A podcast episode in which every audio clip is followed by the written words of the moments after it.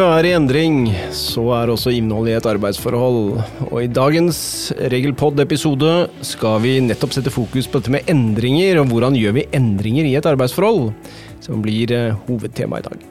Sammen med meg i studio, det faste panelet Monica Bremtun Olaussen. Ivar Grøndal. Og bak spakene, Sven Ivar Lønneid. Helt korrekt. Vi eh, starter vi med tema endringer. Og når vi ønsker å gjøre endringer i de ansatte sine ja, arbeidsbetingelser, være seg arbeidstid, arbeidsoppgaver, kanskje økonomiske betingelser, eh, hvordan kan vi gjøre det, Monica? Ja, det er litt forskjellige alternativer på det. Da. Det er vel egentlig tre varianter. Det ene er jo en avtale, som jeg vil tenke er den beste varianten. At man blir enige om endringen. Altså at ingen pålegger noen noen ting, men at man blir enige om å gjøre endringen. Mm. Og så har man jo muligheten med oppsigelse, og da er det jo gjerne den endringsoppsigelsen man, man snakker om. Eh, det er vel ikke et begrep som er, står i arbeidsmiljøloven, er det det? Det er det ikke. Det står ikke der. Det står, der brukes jo bare oppsigelse. Så det er jo en, eh, er jo, det er en ordinær oppsigelse, men, men, det som skiller det fra en vanlig oppsigelse, er jo at du ved en endringsoppsigelse får fortsatt tilbud om å jobbe i, i virksomheten, men da med endrede betingelser. Ja, og der har man jo muligheten, hvis man får en endringsoppsigelse, så har man vel egentlig tre alternativ. Det ene er at man sier at det høres fint ut, og vi starter på de nye betingelsene da, fra det tidspunktet arbeidsgiver ønsker. Mm. Det andre er at man aksepterer endringsoppsigelsen, men sier jeg vil gå ut oppsigelsestiden i, med mine gamle vilkår. Og det siste er jo at man ikke aksepterer eh, og sier at dette er en usaklig oppsigelse, aksepterer det ikke og krever å få beholde de rettighetene man har. Dette er jo en type grunnlag for å gjøre endringer som vi helst ikke Vi vil jo helst ikke dit, fordi dette er jo en lang prosess. Dette er, koster tid og energi og penger ofte, og man, utfallet er ganske usikkert. Eh, kan være, i hvert fall. Så hvis vi kan unngå den prosessen, så gjør vi gjerne det.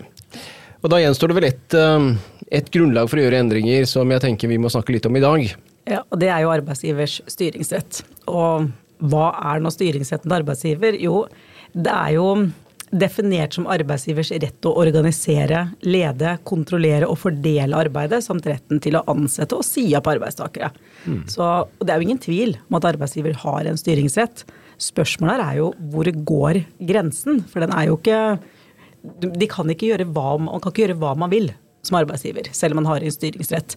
For den blir jo begrensa både av lovgivning, f.eks. arbeidsmiljøloven, ferieloven, folketrygdloven Mm. Og også avtaler, f.eks.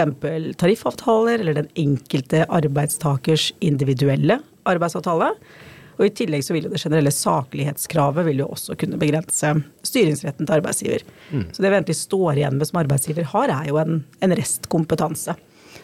Ehm, men vi har jo mye rettspraksis da, som hjelper oss å finne ut av grensene for styringsretten, har vi ikke det? Det har vi, og det er jo gjerne der eh, vi eh, ender opp da, når vi skal på en måte ta stilling til hvilke endringer jeg som arbeidsgiver kan beslutte, i kraft av å være arbeidsgiver, rett og slett, og, hvilke endringer som eventuelt da ligger utenfor styringsretten og krever et annet grunnlag for å få til endringen. Så rettspraksis står veldig sentralt i forhold til dette med hva som kan besluttes i kraft av styringsretten og ikke. Hvis vi skal bare starte med en par sånne knagger som på en måte generelt har kommet opp gjennom rettspraksis, da, og som domstolene har, eh, har um, um, besluttet eller uttalt når det gjelder grensene, sånn helt generelt sett, altså, så har man i en dom f.eks. sagt at arbeidsgiver kan ikke ensidig regulere en arbeidstakers arbeidsområde på en slik måte at dettes grunnpreg blir et vesentlig annet enn det arbeidsavtalen i direkte eller indirekte form opererer med. Altså denne grunnpregslæren som er kjent i juridisk teori bl.a., som eh, kom for mange, mange år tilbake. Eh, og som har ligget til grunn i flere av disse domstolavgjørelsene vi har fått. Og så, eh, fra en litt nyere dom, så, så går, sier man litt av det samme, men på litt annen måte kanskje. Dersom ikke arbeidsgiveren har gitt særskilt avkall på styringsretten, noe som vi kanskje ikke så ofte gjør, da, og skal passe oss for å gjøre òg, eh, tenker jeg, kan arbeidsgiver i kraft av styringsretten innenfor de rammer som følger av lovgivning, tariffavtale, endre avtalebestemmelser som ikke særpreger, definerer eller fremstår som vesentlig for arbeidsforholdet. Og det er kanskje det her jeg som arbeidsgiver må stille meg opp spørsmål om når jeg ønsker å gjøre en endring, og eventuelt om jeg kan gjøre det i kraft av styringsretten. Er dette jeg nå ønsker å gjennomføre, er det noe som særpreger, definerer eller fremstår som vesentlig for arbeidsforholdet til den ansatte? Ja, Du vil f.eks. si da, hvis vi hadde fått beskjed nå om at nå skal våre andre arbeidsoppgaver endres, vi sitter og jobber med dette med lover og regler, det juridiske, så hadde beskjed om at nei, fra, fra neste måned så har vi avgjort at nå skal dere flyttes over til kantinedriften.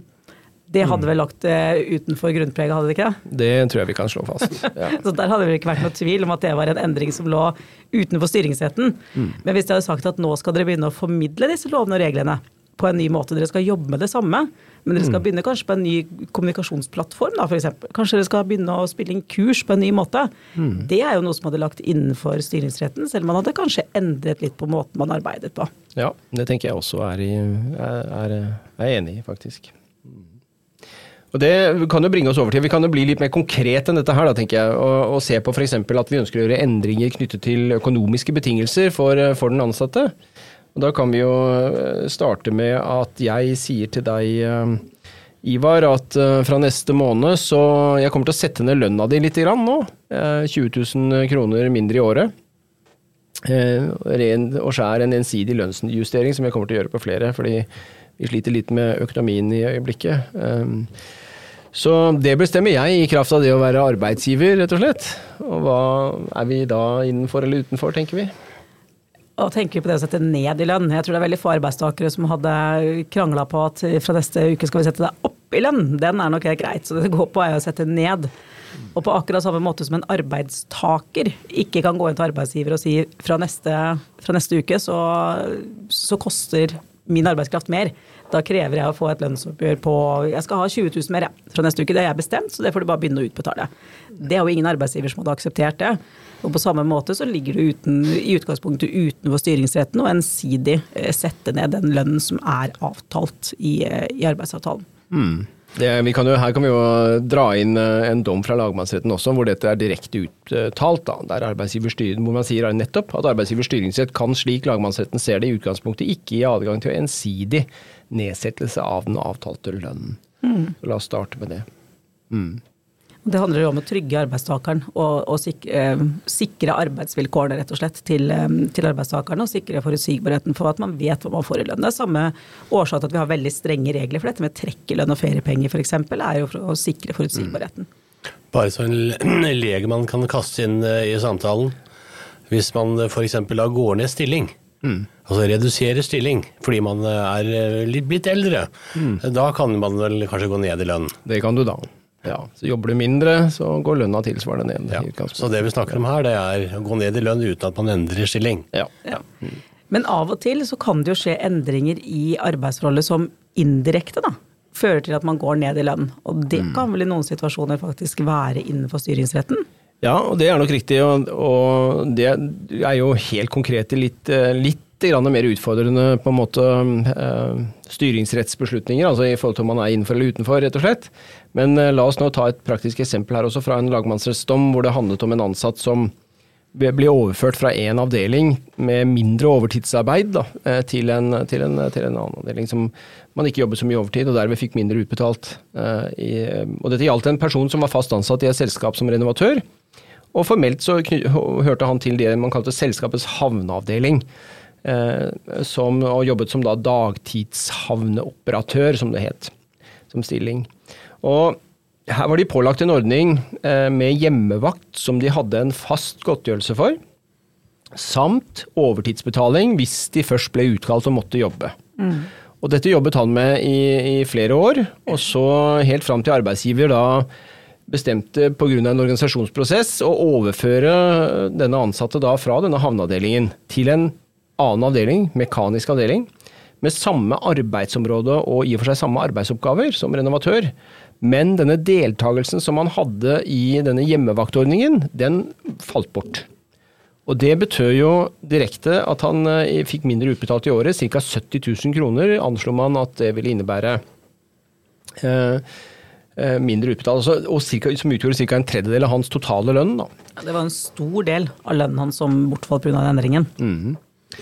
Og Det syntes jo ikke arbeidstakeren var noe særlig ålreit, så han gikk til sak mot arbeidsgiver og hevdet da at det forelå en usaklig oppsigelse sa han, av hans deltakelse i denne hjemmevaktordningen.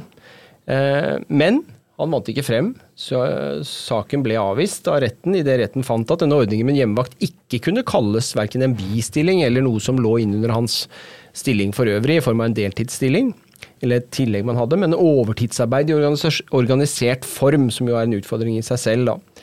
Eh, og etter arbeidsavtalen sin så hadde han heller ikke noe rett til denne hjemmevaktordningen, og heller ikke tariffavtalen som gjaldt for området inneholdt noen rett for at han skulle kunne kreve å fortsette å stå i denne hjemmevaktordningen. Så her fikk arbeidsgiver medhold i en organisatorisk endring, egentlig, eh, som indirekte fikk eh, en betydning for hva man fikk utbetalt i kroner og øre, som arbeidsgiver vant frem i kraft av styringsretten.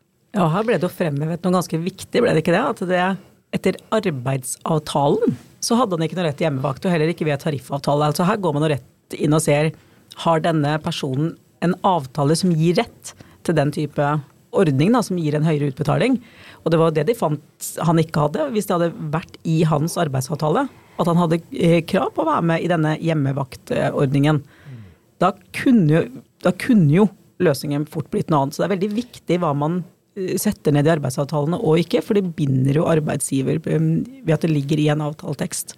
Ja, Det er i hvert fall et bra utgangspunkt, og jeg tenker at i alle disse styringsrettssakene så viser det seg jo at uh, dette med å ta forbehold om endringer under de konkrete punktene i en ansettelseskontrakt kan være et godt poeng mm. Eh, for arbeidsgivere, der arbeidsgiver ser at det kan være et tema for en ansatt, og at man veldig, prøver å være kanskje konkret også, knyttet til hva den endringen kan bestå i for en arbeidstaker, jo mer juridisk bindende vil den være.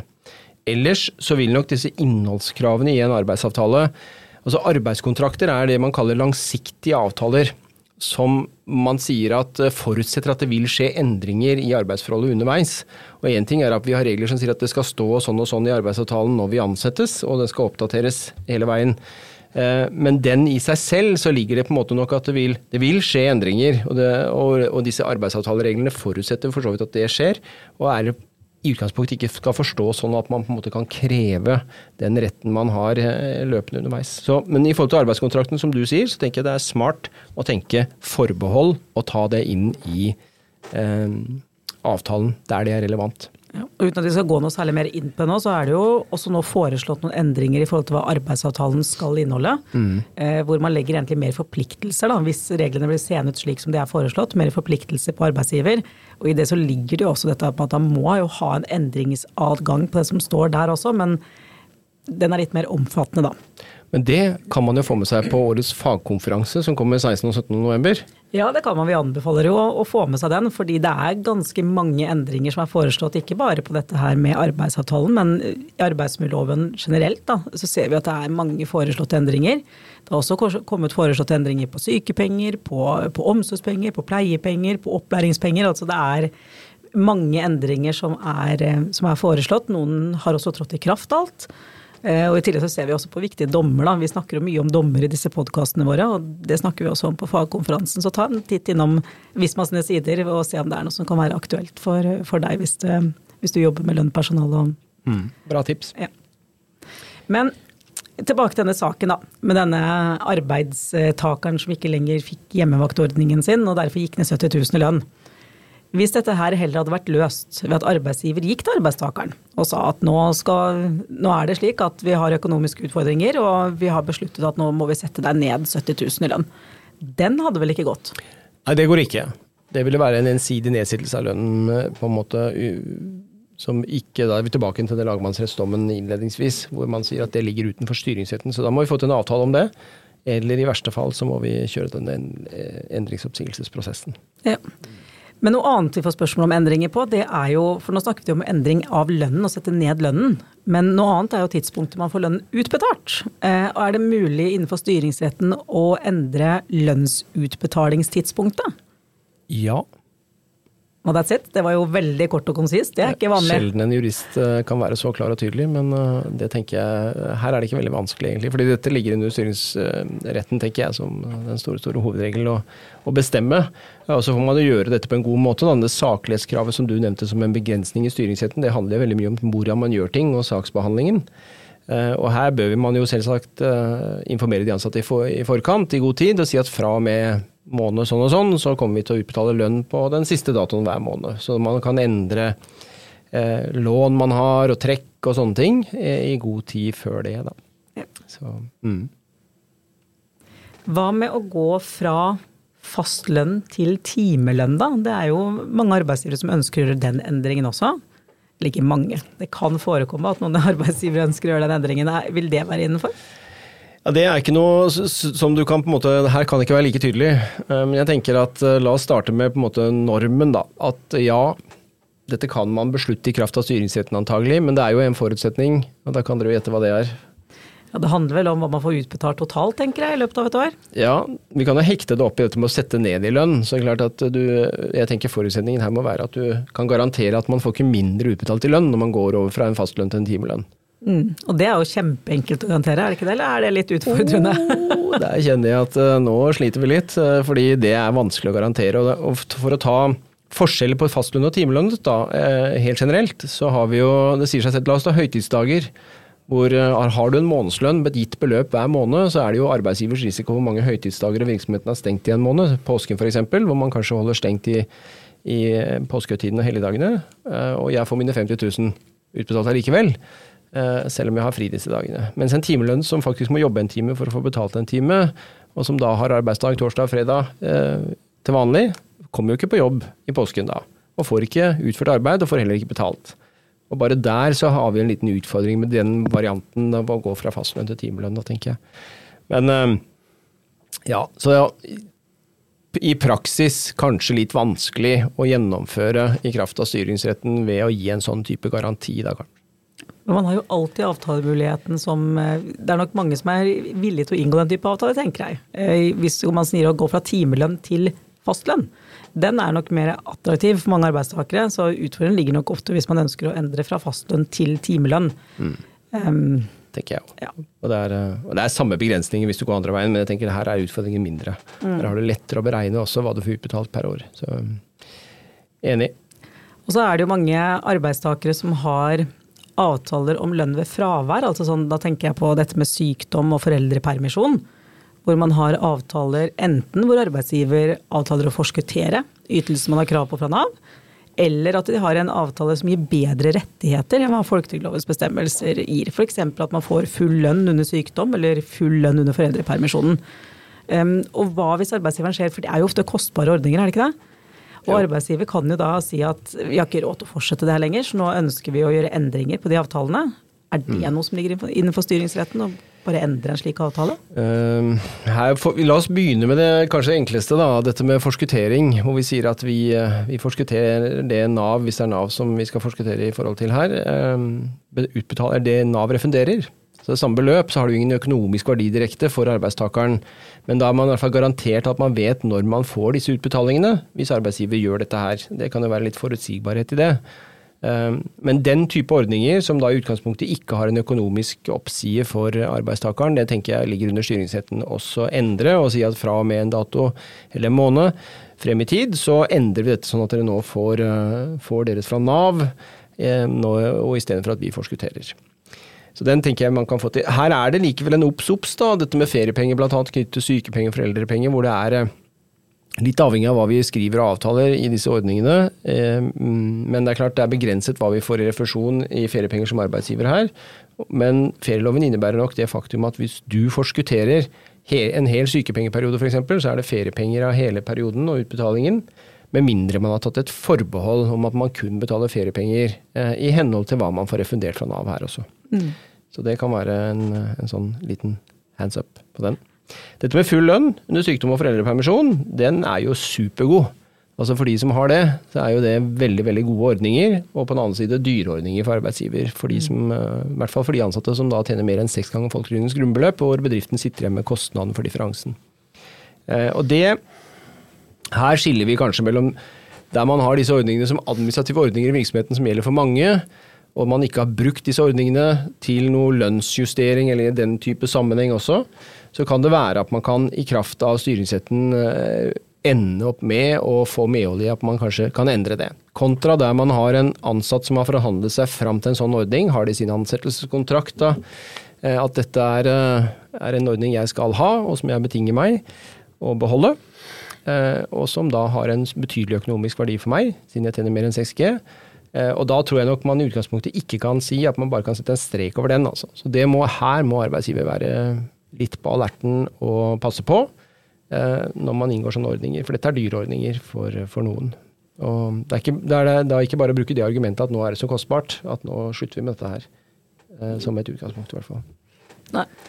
Og så var vi jo så vidt inne på dette her med lønnsjustering som følge av endrede arbeidsoppgaver. Um, her var det jo en som ikke fikk, det var noe jeg ikke fikk lov til å gjøre lenger, denne hjemmevaktordningen. Og det førte jo til at, han, eh, at lønnen hans gikk ned.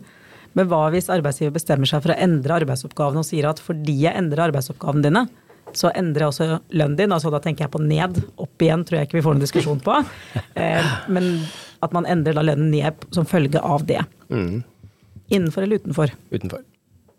Her er det jo flere endringer på en gang. Man gjør endringer både i arbeidsoppgaver, som er et spørsmål i forhold til styringsretten, og i tillegg når det får økonomiske konsekvenser i betydning at man tjener og får mindre utbetalt. Da må, vi finne, da må vi helst forhandle oss fram til det og få til en avtale om dette her, tenker jeg. Og kanskje strekke oss litt på økonomisiden for å få den ordningen igjennom, kanskje. Men uh, i utgangspunktet utenfor styringsretten, tenker jeg. Ja. Og så har vi også mange arbeidstakere som, som er ute og reiser, eh, har vi ikke det? Og da får de jo eh, utgiftsdekning på, på reise. Men det er vel forskjellige varianter av den. Eh, det kan jo være at man reiser på diett, det kan være at man reiser på, på, regning, og det kan jo være at man ønsker å endre den ordningen her. Men Ivar, hva er egentlig forskjellen på dette her med å reise på diett og reise på regning, og, hvorfor betyr det noe? Altså hvorfor kan det være noen som ikke ønsker da, at det skal endres? Reise på regning? Veldig enkelt. Um, ansatt kjøper mat. Middag, lunsj, whatever, brus, kaffe. Får et uh, bilag leverer til arbeidsgiver gjennom Visma ekspens, hvor du legger inn formål, og så ordner systemet resten. Uh, altså krone for krone. Så det betyr når du har vært ute og reist, reiser på regning, uh, så sitter du ikke igjen med noe overskudd etterpå. Så alle kostnadene, eller merkostnadene du har hatt til mat, drikke osv., det er det du får igjen. Diettgodtgjørelse eller kostgodtgjørelse, hvis man reiser på det, så er det jo faste satser. Enten det er dagdietten eller døgndietten. Så kommer skattereglene etterpå og sier eh, jaha, eh, her er lavere sats enn statens særavtaler har, f.eks. Når det gjelder døgndietten, så er det avhengig av hvordan man har innlosjert seg. Bodd på hotell eller bodd privat, så får man lavere sats, trekkfritt. Men særavtalen har jo én døgnsats, skal vi kalle det for det. Og Det betyr at her får du et, et fast beløp per døgn når du er ute og reiser eller dag, hvis det er på dagtid.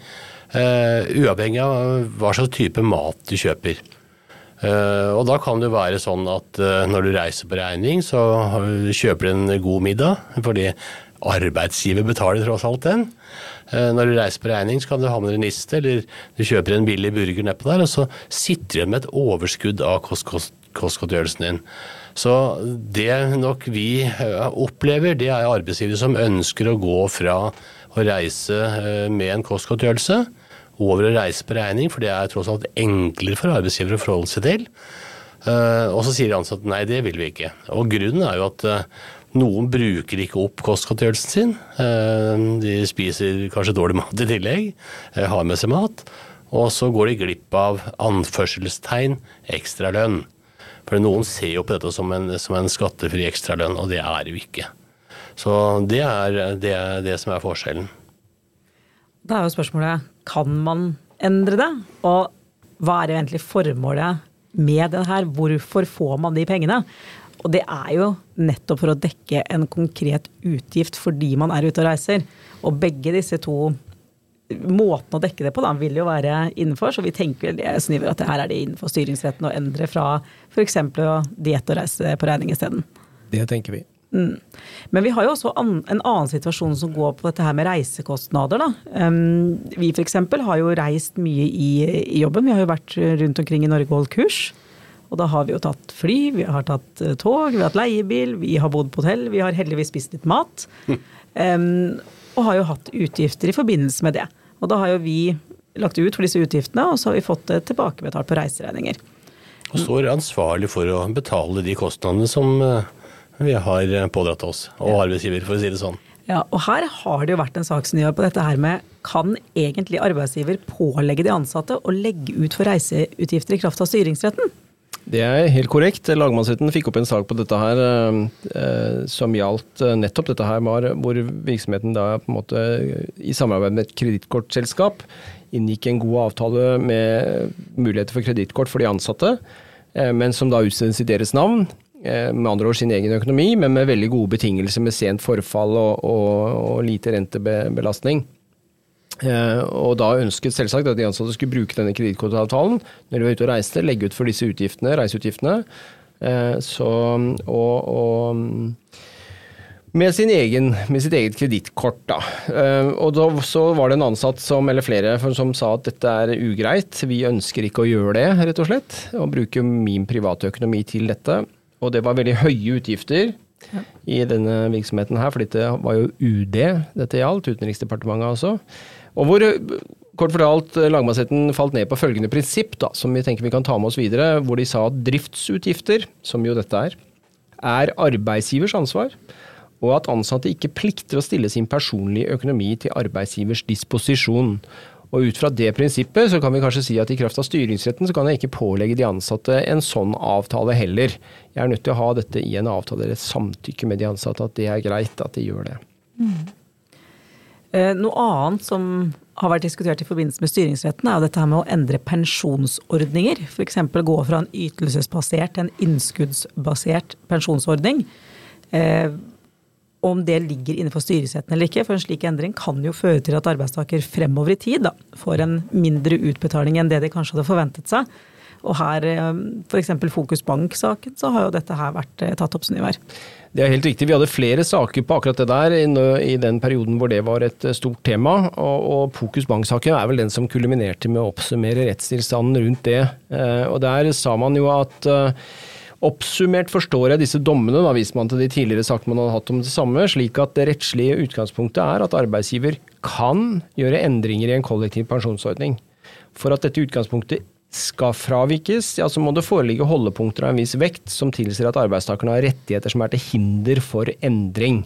Og Det er liksom essensen, tenker jeg, for det kan jo være noen som har forbeholdt seg i arbeidsforholdet at man skal ha en type, viss type pensjonsordning Eh, og eh, derved også ha rett til å videreføre den, slik at du i hvert fall ikke i kraft av styringsretten kan gjøre en sånn endring da.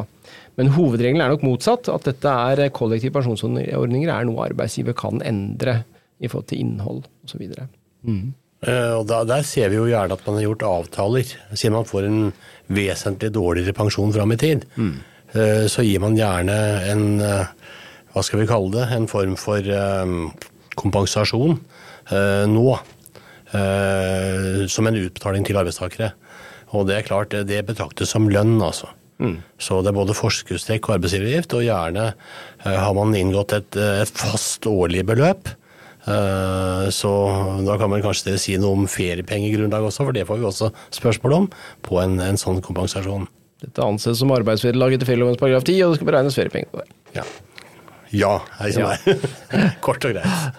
Så bare eh, opptatt av det, den kompensasjonen, det er lønn, altså. Ja. Mm. Men apropos pensjon, da. Eh, vi har jo en ganske interessant dom på dette med seniorpolitiske tiltak også, og muligheten til å endre på de.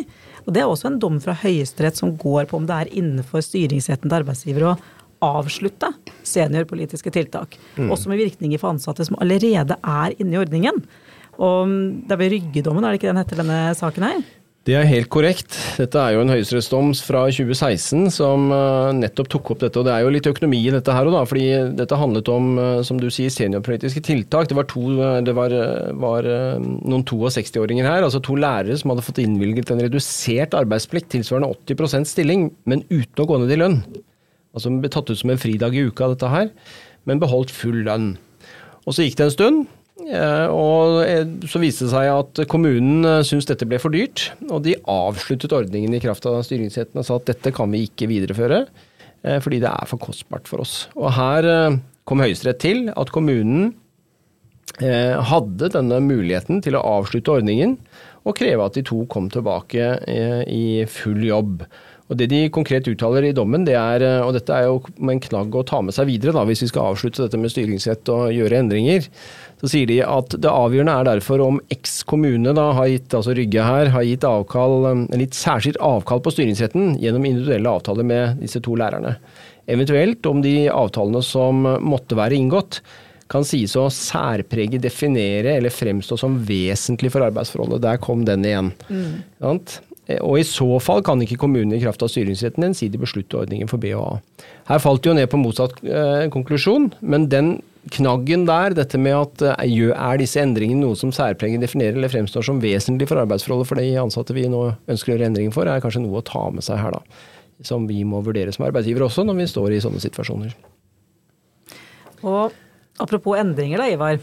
Vi kan jo avslutte med noe på, på, på lønnsskatt, tenkte jeg. fordi det kommer vel en del endringer i starten av neste år som vanlig. Her får vi jo ganske mye spørsmål, gjør vi ikke det? Ja, vi har jo eh, det som allerede er eh, kommet som forslag i statsbudsjettet. Altså Vi har jo alltid endringer når det gjelder satser osv. Fordi inntektsåret lever eh, som et inntektsår. Og da blir det endringer fra 1.1 hvert eneste år. Men det er viktig å påpeke også at her er det, når det gjelder arbeidsgiveravgift, forslag om 5% ekstra arbeidsgiveravgift på lønn over 750 000 per selskap. Ehm, det er én ting som er viktig å ha med seg. Eh, og så er det jo satsendringer, eh, som helt sikkert kommer i statens særavtale. Nå gjelder jo de særavtalene ut 2024, men det er jo forhandla fram at de skal kunne endre satser hvert år. Eh, og vil jo også satsene som gjelder den trekkfrie grensen, vil jo helt sikkert bli endra når det gjelder kostgodtgjørelse, i hvert fall, fra 1.1. Bilgodtgjørelse er vi litt spente på. Det har vi hatt mye spørsmål om. Altså, det er jo vesentlig eh, mer kostnader å, lade en elbil. Eh, bensinpriser har gått opp, eh, dieselpriser har gått opp. Mens fortsatt er den trekkfrie satsen 3,50. Så eh, vi forventer kanskje at den også vil øke. Så da blir det en endring. Jeg tenker sånn I forhold til endringer som dere nå har snakka mye om i dag, så er det viktig at de som følger statens særavtale, også er klar over at det, ok, nå blir det nye satser antageligvis da, fra 1.1. Uh, gjelder det hos oss? Og følger man statens særavtale, så følger man statens særavtale. Da man, som dere har påpekt flere ganger i dag, eh, da må du ha et unntak i avtalen og si at satser, det følger vi ikke, det bestemmer vi sjøl om, om vi vil følge eller ikke. Så eh, noen noe andre store ting på lønn veit vi ikke som blir endra. Så det er typisk, uh, typisk satser da, som vi kommer tilbake til. Mm. Satser er viktig. Og med det så sier vi vel takk til lytterne våre for eh, denne gang, og runder av og ønsker alle en fortsatt riktig fin dag. Og uh, minner om fagkonferansen 16. og 17. Ja, det og så tenker vi at om 14 dager så hadde vi tenkt vi kanskje skulle snakke om uh, halv skatt før jul. Ja. Uh, vi er jo tross alt da godt ute i november, så vi må ta en liten runde med halv skatt tenker jeg om 14 dager. Det gjør vi. Den er god. Da sier vi takk for i dag.